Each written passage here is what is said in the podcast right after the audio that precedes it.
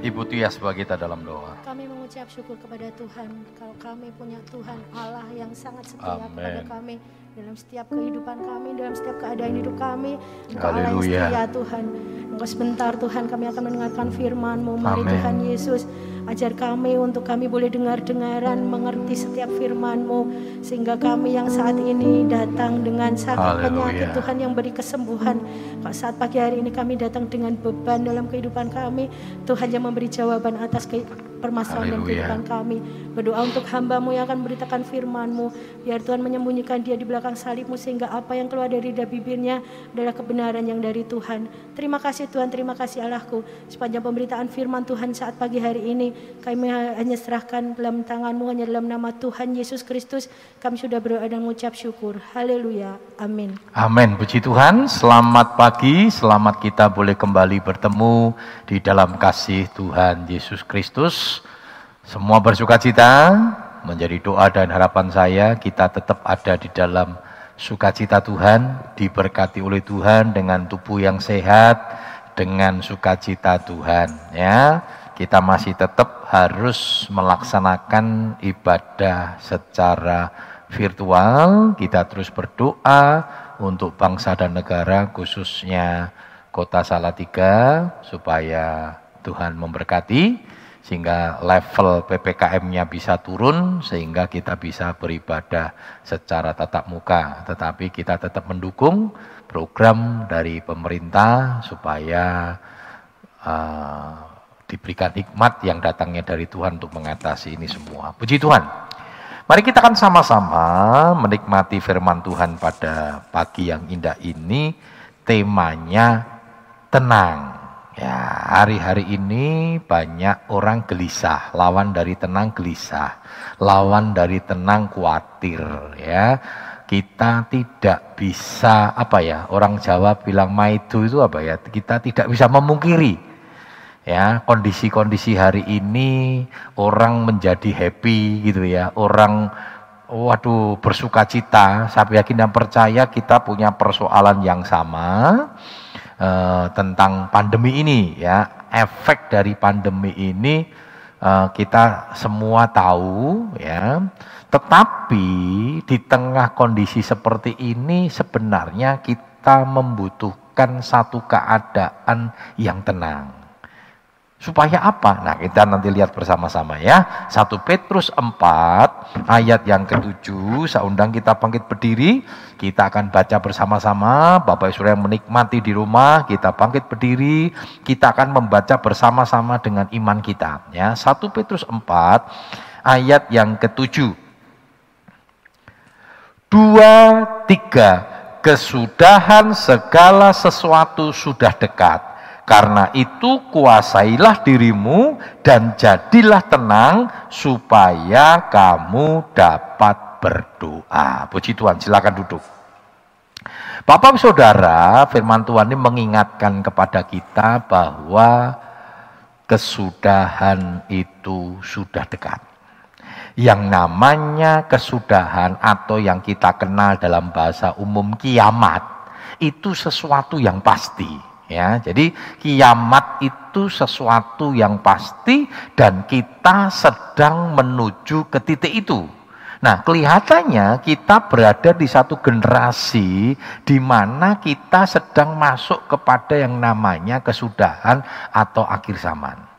Ya, dan bagi orang-orang percaya sebenarnya akhir zaman itu bukan berita yang menakutkan atau mengerikan. Ya sering kali akhir zaman itu diidentikan dengan sesuatu yang mengerikan. Tetapi sebagai orang percaya seharusnya yang namanya kedatangan Tuhan akhir zaman itu adalah sesuatu yang menggembirakan ya karena kita akan diakhiri dari segala kesusahan kita, segala penderitaan kita di muka bumi ini karena bumi ini identik dengan kesulitan. Bumi ini, dunia ini identik dengan kesu kesukaran, ya. Dan firman Tuhan mengingatkan kepada kita, semua ini akan diakhiri oleh Tuhan.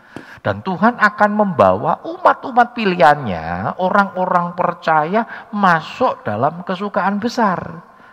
Yang disebut dengan hidup dalam kekekalan. Walaupun proses ke sana itu panjang ya panjang. Sebelum kita masuk yang namanya Yerusalem baru ya kita akan mengalami yang namanya kerajaan seribu tahun damai.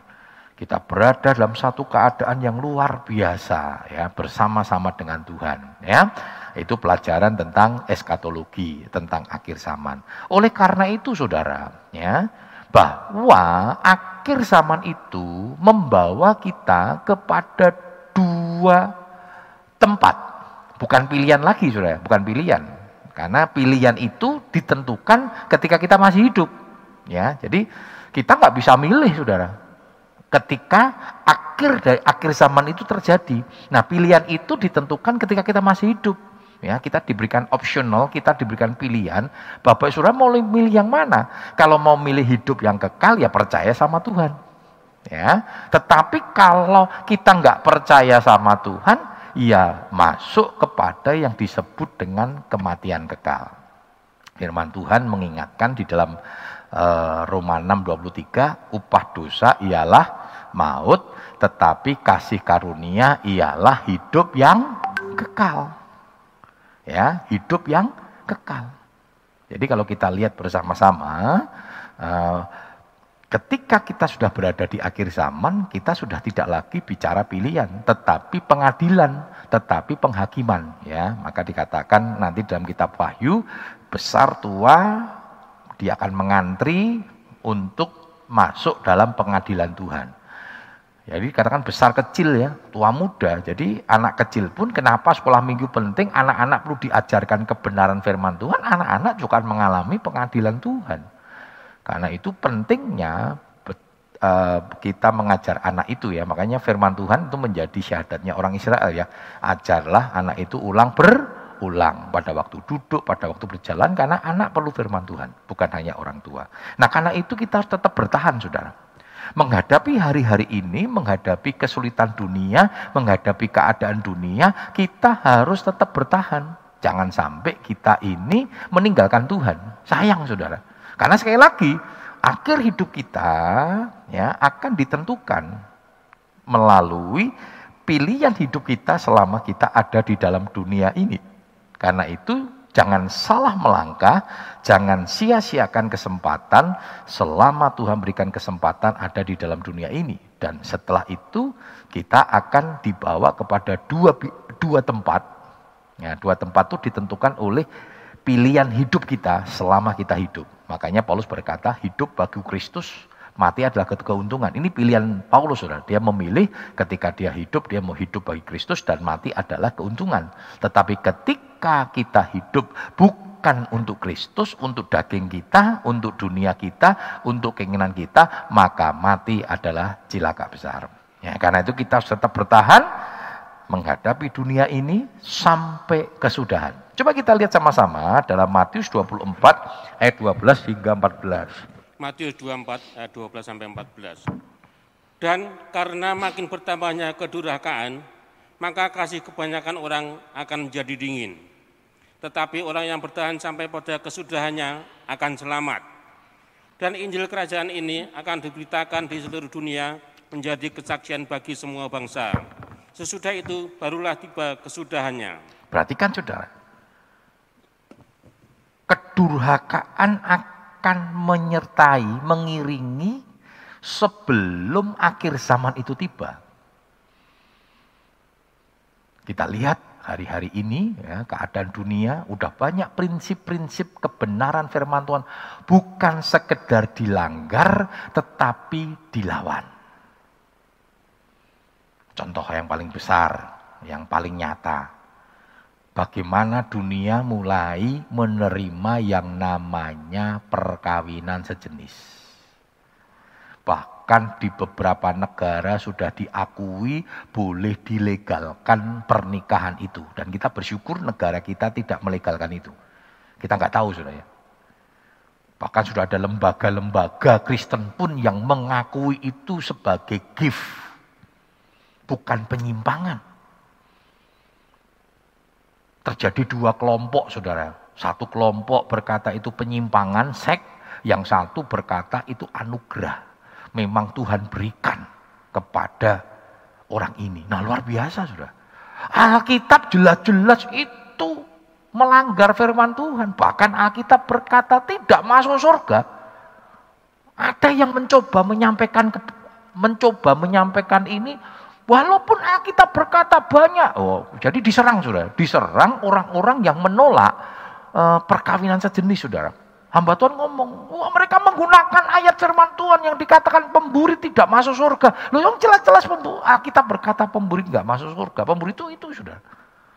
Ah, kok kita mulai ini menentang sudah. Kalau ada yang tidak setuju dengan kebenaran firman Tuhan itu bukan sekedar melanggar sudah. Tapi menentang, melawan. Nah, itu dikatakan firman Tuhan. Jadi jangan heran, kedurhakaan itu dikatakan tadi di akhir zaman itu akan semakin bertambah. Dan nanti dosa ini akan semakin memuncak itu kondisinya, mengerikan. Nah kalau kita sebagai anak-anak Tuhan tidak kuat firman, kita akan digoncangkan. Makanya firman Tuhan dikatakan ya, jangan sampai iman kita ini digoncangkan. Kembali kepada firman Tuhan dan percaya kepada firman Tuhan. Dan kita bersyukur negara kita masih kuat untuk hal itu. Nah saudara, kita tetap bertahan sudah. Jangan sampai kita dikamirkan. Jangan sampai iman kita digoncangkan, digoyahkan, akhirnya kita kehilangan. ya Kehilangan kesempatan kita untuk menikmati anugerah dan kasih Tuhan. Nah saudara, karena itu bagaimana supaya kita tenang? Menurut 1 Petrus 4 ayat yang ketujuh tadi, dikatakan supaya kita tenang. Yang pertama apa? Kuasailah dirimu. Hari-hari ini di hari-hari akhir banyak guncangan, banyak keadaan, banyak perubahan yang sering kali membuat kita apa ya emosi kita terpancing keadaan-keadaan kita menjadi kita menjadi lemah gitu dan firman Tuhan mengingatkan kepada kita untuk kita belajar menguasai diri. Coba kita lihat di dalam 2 Timotius 4 ayat yang kelima. 2 Timotius 4 ayat kelima. Tetapi kuasailah dirimu dalam segala hal. Sabarlah menderita, lakukanlah pekerjaan pemberita Injil, dan tunaikanlah tugas pelayananmu. Diingatkan kepada kita, Ya, nanti kalau kita lihat ke atas ini bicara tentang keadaan akhir zaman, tentang banyaknya guru-guru palsu, banyaknya orang yang mau mendengarkan firman tetapi bukan kebenaran firman, tetapi firman yang menyukakan telinga mereka, yang menyukakan daging mereka. Ya, nggak senang pengajaran, Saudara. Nah, firman Tuhan katakan apa? Ya, dalam kitab Ibrani ditinjau dari sudut waktu seharusnya kamu ini sudah menjadi pengajar. Tetapi kami kamu masih diajarkan tentang asas-asas pertobatan. Nah nanti kalau kita bicara tabernakel pertobatan itu adanya di luar halaman saudara. Ya mesbah korban dan kolam basuhan saudara Orang-orang Israel kalau buat dosa, dia pergi ke situ sembelih, ya. Urusannya begitu terus sudah minta ampun sama Tuhan, diampuni gak dosa meneh, gak dosa lagi. Kita nggak masuk, Saudara. Kekristenan kita tidak masuk lebih dalam lagi, masuk ke ruang suci, ya. Ruang suci itu bicara tentang pelita, ya, mesbah ukupan, di situ ada roti sajian, ya itu bicara tentang kebenaran firman, bicara tentang bagaimana kita menyembah Tuhan, ya, mengagungkan Tuhan dan sebagainya. Kekristenan kita harus mengalami peningkatan, progres. Karena itu kita harus belajar untuk menguasai diri kita. Belajar, saudara. Terus belajar menghadapi hari-hari ini. Dikatakan, kuasailah dirimu dalam segala hal. Untuk apa, saudara? Supaya kita sabar menderita penderitaan yang kita alami di dunia ini Alkitab berkata apa? Tidak sebanding dengan kemuliaan yang Tuhan berikan dalam hidup kita. Dunia ini sementara. Dulu pujiannya orang-orang GPDI kuno sudah dikatakan biarku miskin di dunia tetapi aku kaya di surga. Wah luar biasa sudah. Dan lagu ini banyak ditentang. Oh gelem nek penak nek iso ya sugih ning ning yang surga sudah itu ya. Wah ini eh, apa namanya prinsip hedoni, hedonisme sudah ya. Maunya pokoknya seneng terus. Ya Tuhan izinkan kalau kita lihat nanti di di kebenaran firman Tuhan, perjalanan Tuhan Yesus itu penuh dengan penderitaan. Walaupun di tengah-tengah penderitaan kita, kita tetap ada sukacita, kita bisa mengalami ketenangan ketika Tuhan beserta dengan kehidupan kita. Ya, karena itu kita harus belajar yang pertama apa? Kuasailah dirimu. Kenapa saudara? Penguasaan diri dapat kita peroleh itu hasil dari buah roh. Karena penguasaan diri itu bagian dari karakter buah roh. Galatia 5, 22 ayat 23. Galatia 5, 22 sama 23. Tetapi buah roh ialah kasih, sukacita, damai sejahtera, kesabaran, kemurahan, kebaikan, kesetiaan, kelemah lembutan, penguasaan diri, tidak ada hukum yang menentang hal-hal itu. Perhatikan itu saudara, buah roh itu adalah kasih. Dan akib kasih itu, jadi ini tidak bisa salah satu buah roh saudara. Bukan karunia, ya salah satu karunia betul. Tetapi buah roh ini komplit. Buah roh itu satu kesatuan, nggak bisa. Oh saya ini punya sukacita tapi nggak punya damai sejahtera, nggak bisa. Buah roh itu diberikan kepada kita dan itu sifatnya lengkap. Kalau saudara memiliki kasih, maka engkau punya sukacita, punya damai sejahtera, kesabaran, dan akhirnya penguasaan diri. Ya, bagaimana kita bisa memperoleh buah roh? Ya jangan hidup dalam daging, hidup sesuai dengan keinginan roh dan saya sudah banyak bicara tentang hal ini ya. Hari ini kita tidak tidak membahas tentang itu tetapi e, membahas dalam karakter buah roh bahwa penguasaan diri itu adalah buah roh ya. Karena itu bagaimana untuk kita bisa memilih penguasaan diri? Hiduplah dalam keinginan roh bukan keinginan daging ya. Yang kedua Bagaimana supaya kita ini bisa tenang? Yang kedua adalah kita harus dekat dengan Tuhan. Saudara nggak dekat sama Tuhan, nggak nggak akan tenang hidupnya. Dekat dengan Tuhan itu bukan sekedar dekat, saudara, tapi mengenal bergaul karib dengan Tuhan. Ada orang dekat, ya satu rumah, tapi nggak kenal. Banyak ya banyak. Ada suami istri tinggal satu rumah yang orang kenal, orang atau komunikasi. Ada anak sama bapaknya tinggal satu rumah, tapi anaknya merasa bapaknya ini asing karena kita nggak pernah komunikasi. Makanya saya selalu memiliki family time ya karena anak-anak ini kan sudah punya kegiatan masing-masing sudah. Waduh kalau dituruti kita nggak pernah ketemu walaupun satu rumah. Tetapi ada waktu-waktu di mana saya berkata family time itu harus senang nggak senang, suka nggak suka mereka harus ngumpul bersama-sama, kita berkomunikasi dan kita sering mengadakan komunikasi dengan anak-anak supaya jangan sampai sudah kelihatannya secara fisik deket, sak oma, tapi kita nggak kenal, kita nggak ngerti anak kita, ya saya cukup cukup memantau anak saya walaupun untuk berkomunikasi, untuk curhat, anak saya lebih ke istri sudah. Ya karena gini katanya sudah, nek anak laki-laki itu lebih dekat ke mamahnya, ya anak perempuan lebih dekat ke papahnya. Ah, saya nggak punya anak perempuan sudah ya. Jadi anak-anak laki memang lebih bisa bisa terbuka dengan dengan apa namanya dengan uh, istri saya dengan mamahnya sudah. Dia bisa cerita. Bahkan ketika dia dekat dengan cewek atau apa, waduh bisa bisa curhat dan saya senang sudah, enggak apa-apa dan itu memang sudah masanya dia, ya dunianya dia, sehingga kita beri masukan, ya jangan sampai meneng-meneng terus gandol lah, repot saudara ya. Jadi eh, apa namanya dekat dengan Tuhan itu bukan sekedar secara fisik kelihatannya kita Kristen yang gereja, oh tidak menentukan hubungan kita dekat dengan Tuhan, tetapi komunikasi kita. Seberapa jauh kita punya komunikasi yang dekat dengan Tuhan. Dan ketika kita dekat dengan Tuhan, maka hidup kita akan menjadi tenang, saudara. Itu yang disampaikan oleh Daud dalam Mazmur 62 ayat 2 hingga yang ketiga. Mazmur 62 ayat 2 dan 3. Hanya dekat Allah saja aku tenang, daripadanya lah keselamatanku.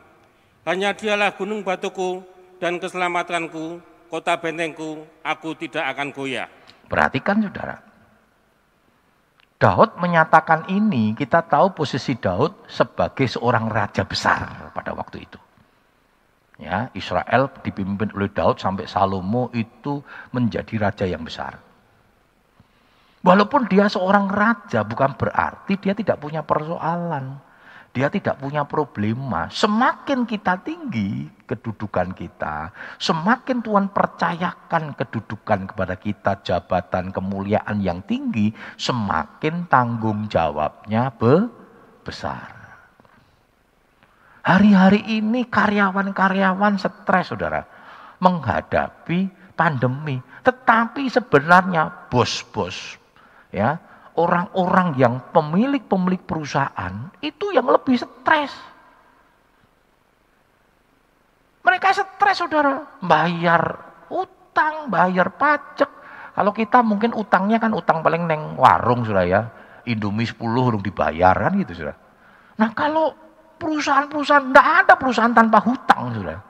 Ketika mereka membeli, membeli barang, membeli alat, itu semua pasti pakai uang bank. Wah ini mereka banyak yang bangkrut, makanya sudah jangan jangan heran, banyak yang kolab, perusahaan-perusahaan besar kolab, banyak yang sudah tutup.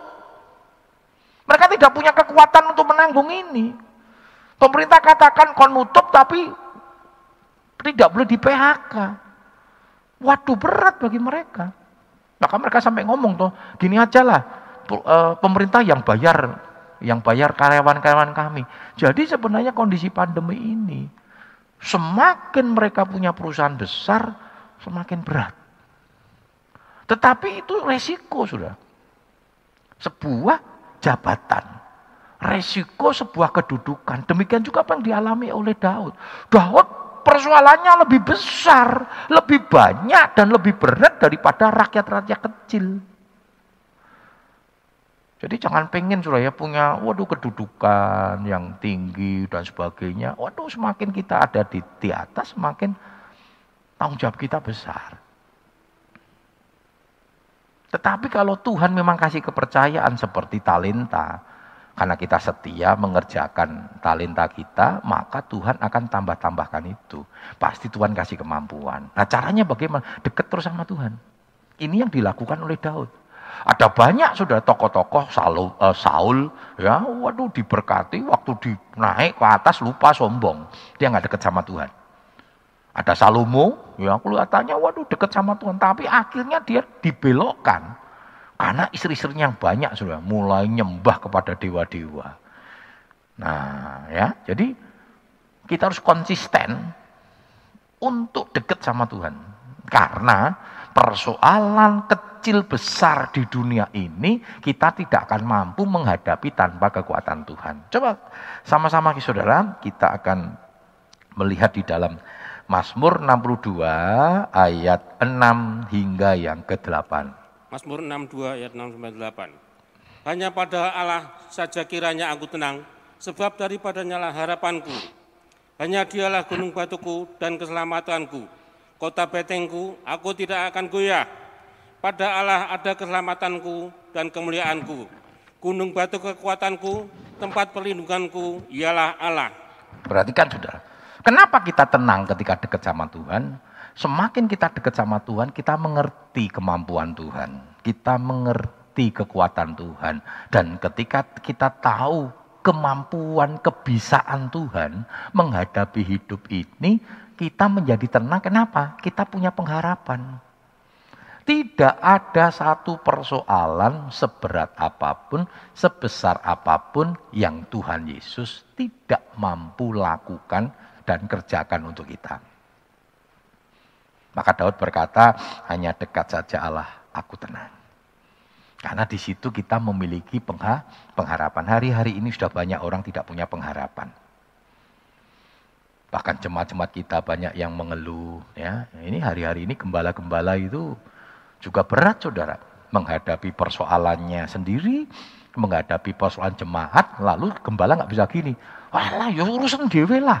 Masalahmu ya masalahmu. Nggak bisa saudara. Ketika ada jemaat-jemaat yang mulai mengeluh, ya kita mau tidak mau harus berpikir, berdoa. Gimana solusinya? Dan dalam keterbatasan sebagai manusia, ya seorang gembala ini juga memiliki keterbatasan. Tetapi ketika gembala sudah pada titik keterbatasan, dia lari sama yang tidak terbatas kepada Tuhan. Ada banyak. Ya, Kami hanya mengingatkan bahwa di dalam Tuhan itu selalu ada pengharapan. Dan kita tidak boleh takut. Selama kita mengiring Tuhan. Sejak saya kecil, sejak saya remaja, ketika saya mengiring Tuhan. Saya melihat saya tidak pernah ditinggalkan Tuhan. Dan Tuhan tidak pernah membiarkan saya. Seperti dalam kitab Ibrani ya. Sekali-kali aku tidak akan membiarkan dan sekali-kali aku tidak akan meninggalkan. Nah saudara kita ini sudah di, diberikan janji yang luar biasa. Apa sih yang membuat kita menjadi takut? Iya memang kondisinya, realitanya om. Kita susah, kita sulit. Iya. Realita, kesusahan, penderitaan itu realita. Tapi kuasa Tuhan mengatasi penderitaan, mengatasi persoalan, itu juga realita. Nah kita sedang memilih ke mana sudah? Lebih, lebih memikirkan penderitaan, kesulat, kesulitannya, kesukarannya, atau kita lebih memilih melihat kepada kekuatan Tuhan, kebesaran Tuhan, yang itu juga realita, dan itulah yang memberikan pengharapan kepada kita. Jadi jangan takut sudah. Ada pengharapan di dalam Tuhan dan pengharapannya itu sebuah kepastian. Nah, Saudara, yang ketiga, yang pertama, bagaimana kita tenang kuasailah dirimu, lalu yang kedua dekat sama Tuhan. Lalu yang ketiga, kenapa kita harus tenang? Karena ketika kita tenang, kita dapat berdoa. Tadi dikatakan ya, di dalam satu Petrus 4 tadi. Ya, dikatakan bahwa kita harus tenang supaya apa Saudara? Supaya kita dapat berdoa. Coba kita lihat di dalam Mazmur 52 ayat 23. Mazmur 55 ayat ke-23. Serahkanlah kuatirmu kepada Tuhan, maka ia akan memelihara engkau, tidak untuk selama-lamanya dibiarkannya orang benar itu goyah. Nah, ini firman Tuhan, saudara. Firman Tuhan ngomong, serahkanlah khawatirmu kepada Tuhan. Bahkan Tuhan sudah berkata, marilah kepadaku yang letih lesu dan berbeban berat. Tuhan sudah buka. Cuma persoalannya, kenapa kita masih khawatir? Masih khawatir om, ya kita nggak datang sama Tuhan. Kita tidak menyerahkan beban itu kepada Tuhan. Padahal Tuhan sudah buka itu. Marilah kepadaku yang letih lesu dan berbeban berat Aku akan memberikan kelegaan, ketenangan. Belajarlah kepadaku. Sebab kuk yang kupasang itu ringan, bebanku pun eh enak. Nggak datang, golek sing abot-abot. Ono masalah cari dukun, cari alternatif. Kon kungkum ya jam 12 malam ya rendem dengan kembang tujuh rupa. Loh banyak orang mau ngelakoni sing abot-abot untuk pengharapan, untuk sebuah ketenangan, ngelakoni. Hasilnya nggak ada. Untuk kelegaan Tuhan ngomong apa? Marilah datang kepadaku. Enak toh? Suruh datang sama Tuhan, bertelut, berlutut di bawah kaki Tuhan, serahkan semua khawatirmu. Dalam ayat yang lain dikatakan, dan aku akan bertindak. Tuhan katakan berdiam dirilah kamu. Seringkali ketika kita menghadapi berbagai macam persoalan kita disuruh berdiam diri. Serahkan khawatirmu kepada Tuhan dan aku akan bertindak. Ada kalanya Tuhan izinkan kita menghadapi sampai kepada batas kekuatan kita yang kita sudah nggak bisa berbuat apa-apa. Pada titik itulah kita serahkan kepada Tuhan. Seringkali ketika saya sudah pada saat sampai titik batas kekuatan dan saya hanya berkata Tuhan, masalah ini sekarang menjadi masalah Tuhan. Aku belajar untuk berdiam diri, menanti-nantikan pertolongan Tuhan. Dan percayalah sudah, pertolongan Tuhan pasti dinyatakan bagi orang yang percaya. Amin. Aminkan itu Bapak Saudara, di mana pun engkau ada. Saya tidak tahu hari-hari ini kau sedang menghadapi persoalan apa. Masalah apa yang membebani hidupmu, bahkan bikin stres, bikin khawatir, hidupmu tidak tenang. Firman Tuhan pagi ini mengingatkan kepada kita semua, serahkan khawatirmu kepada Tuhan. Tuhan berkata, marilah datang kepadaku, datang sama Tuhan. Dengan kerendahan hatimu, dengan hancur hatimu. Nggak apa-apa, saudara. Ketika engkau stres, tertekan, masalah yang begitu berat, engkau nangis, engkau hancur hati di hadapan Tuhan. Enggak apa-apa. Tuhan berkata, Tuhan itu dekat dengan orang yang hancur hati dan patah hati. Ketika dia hancur hati, enggak ada orang bisa perbaiki, saudara. Ketika ada orang patah hati, kecewa, berat, dikecewakan, enggak ada orang bisa sembuhkan, saudara. Hanya Tuhan yang bisa memampukan, menyembuhkan kita. Tuhan yang bisa membalut, membebat setiap luka-luka batin kita. Karena itu datang kepada Tuhan. Ya. Saudara, kita perlu tenang supaya kita berdoa. Hari-hari ini kita harus banyak berdoa. Kaum pria dari sejak awal ya kita nggak pernah berhenti saudara sempat satu bulan kita mengadakan zoom ya atau sebulan ya sebulanan ada kita adakan zoom karena ada beberapa yang terpapar. Lalu saya bilang begini, tetap jalan ya, tetap berdoa ya. Tapi kalau berdoa di rumah masing-masing kan rasanya belum tentu berdoa sudah. Kita buat Zoom. Ya, yang ikut 10 orang dan sebagainya. Kenapa? Karena kekuatan doa itu dahsyat sudah. Dan kita tidak boleh lelah untuk berdoa. Kita tidak boleh lengah untuk berdoa. Dan Alkitab berkata apa? Doa orang benar itu. Bila dengan yakin didoakan, sangat besar kuasanya. Coba kita lihat di dalam Yakobus 5 ayat 16 hingga 17. Yakobus 5 ayat 16 dan 17. Karena itu hendaklah kamu saling mengaku dosamu dan saling mendoakan supaya kamu sembuh. Doa orang yang benar bila yakin didoakan sangat besar kuasanya. Elia adalah manusia biasa sama seperti kita. Dan ia telah bersungguh-sungguh berdoa supaya hujan jangan turun dan hujan pun tidak turun di bumi selama tiga tahun dan enam bulan. Perhatikan saudara, ayat 17, Tuhan ingin menekankan, dikatakan di sini Elia adalah orang biasa. Orang biasa itu sama dengan kita, kita ini biasa sudah. Gak ada yang hebat sudah. Luar biasa, kenapa ada ada penekanan dikatakan Elia orang biasa? Jangan pernah berpikir kita, wah Elia hebat.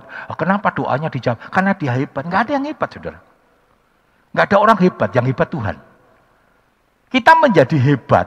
Ya, Tuhan izinkan kemuliaannya, kuasanya dinyatakan kepada kita. Kuncinya di ayat 16 dikatakan doa orang benar. Nah, bedanya di sini sudah kita lihat banyak sekali waktu itu Raja Ahab ya dikuasai oleh istrinya Isabel lalu mengadakan penyembahan kepada dewa Baal. Tapi Elia dia bertahan, mempertahankan imannya. Bahkan dia berani melawan itu sudah dengan 450 nabi-nabi Baal. Walaupun dia takut saudara. Bukan orang hebat, buktinya apa? Wah kelihatannya hebat ya, ngelawan 450. Tapi sama Isabel wedi saudara. Waktu dikatakan, aku akan bunuh engkau. Wah ketakutan, ketar-ketar. Dia bersembunyi saudara. Menunjukkan bahwa Elia itu biasa, nggak hebat. Yang hebat itu Tuhan. Nah bagaimana kita bisa menikmati kehebatan Tuhan? Jadilah benar. Hidup dalam kebenaran. Maka ketika kita hidup dalam kebenaran, sebenarnya yang mau dikatakan firman Tuhan, Elia orang biasa saja, besar doanya sehingga kuasa Tuhan dinyatakan kan sebenarnya itu sudah ya. Kita sama. Kalau hidupmu benar di hadapan Tuhan, maka doa kita menjadi kuasanya hebat. Karena kuasa Tuhan akan dinyatakan bagi orang-orang percaya.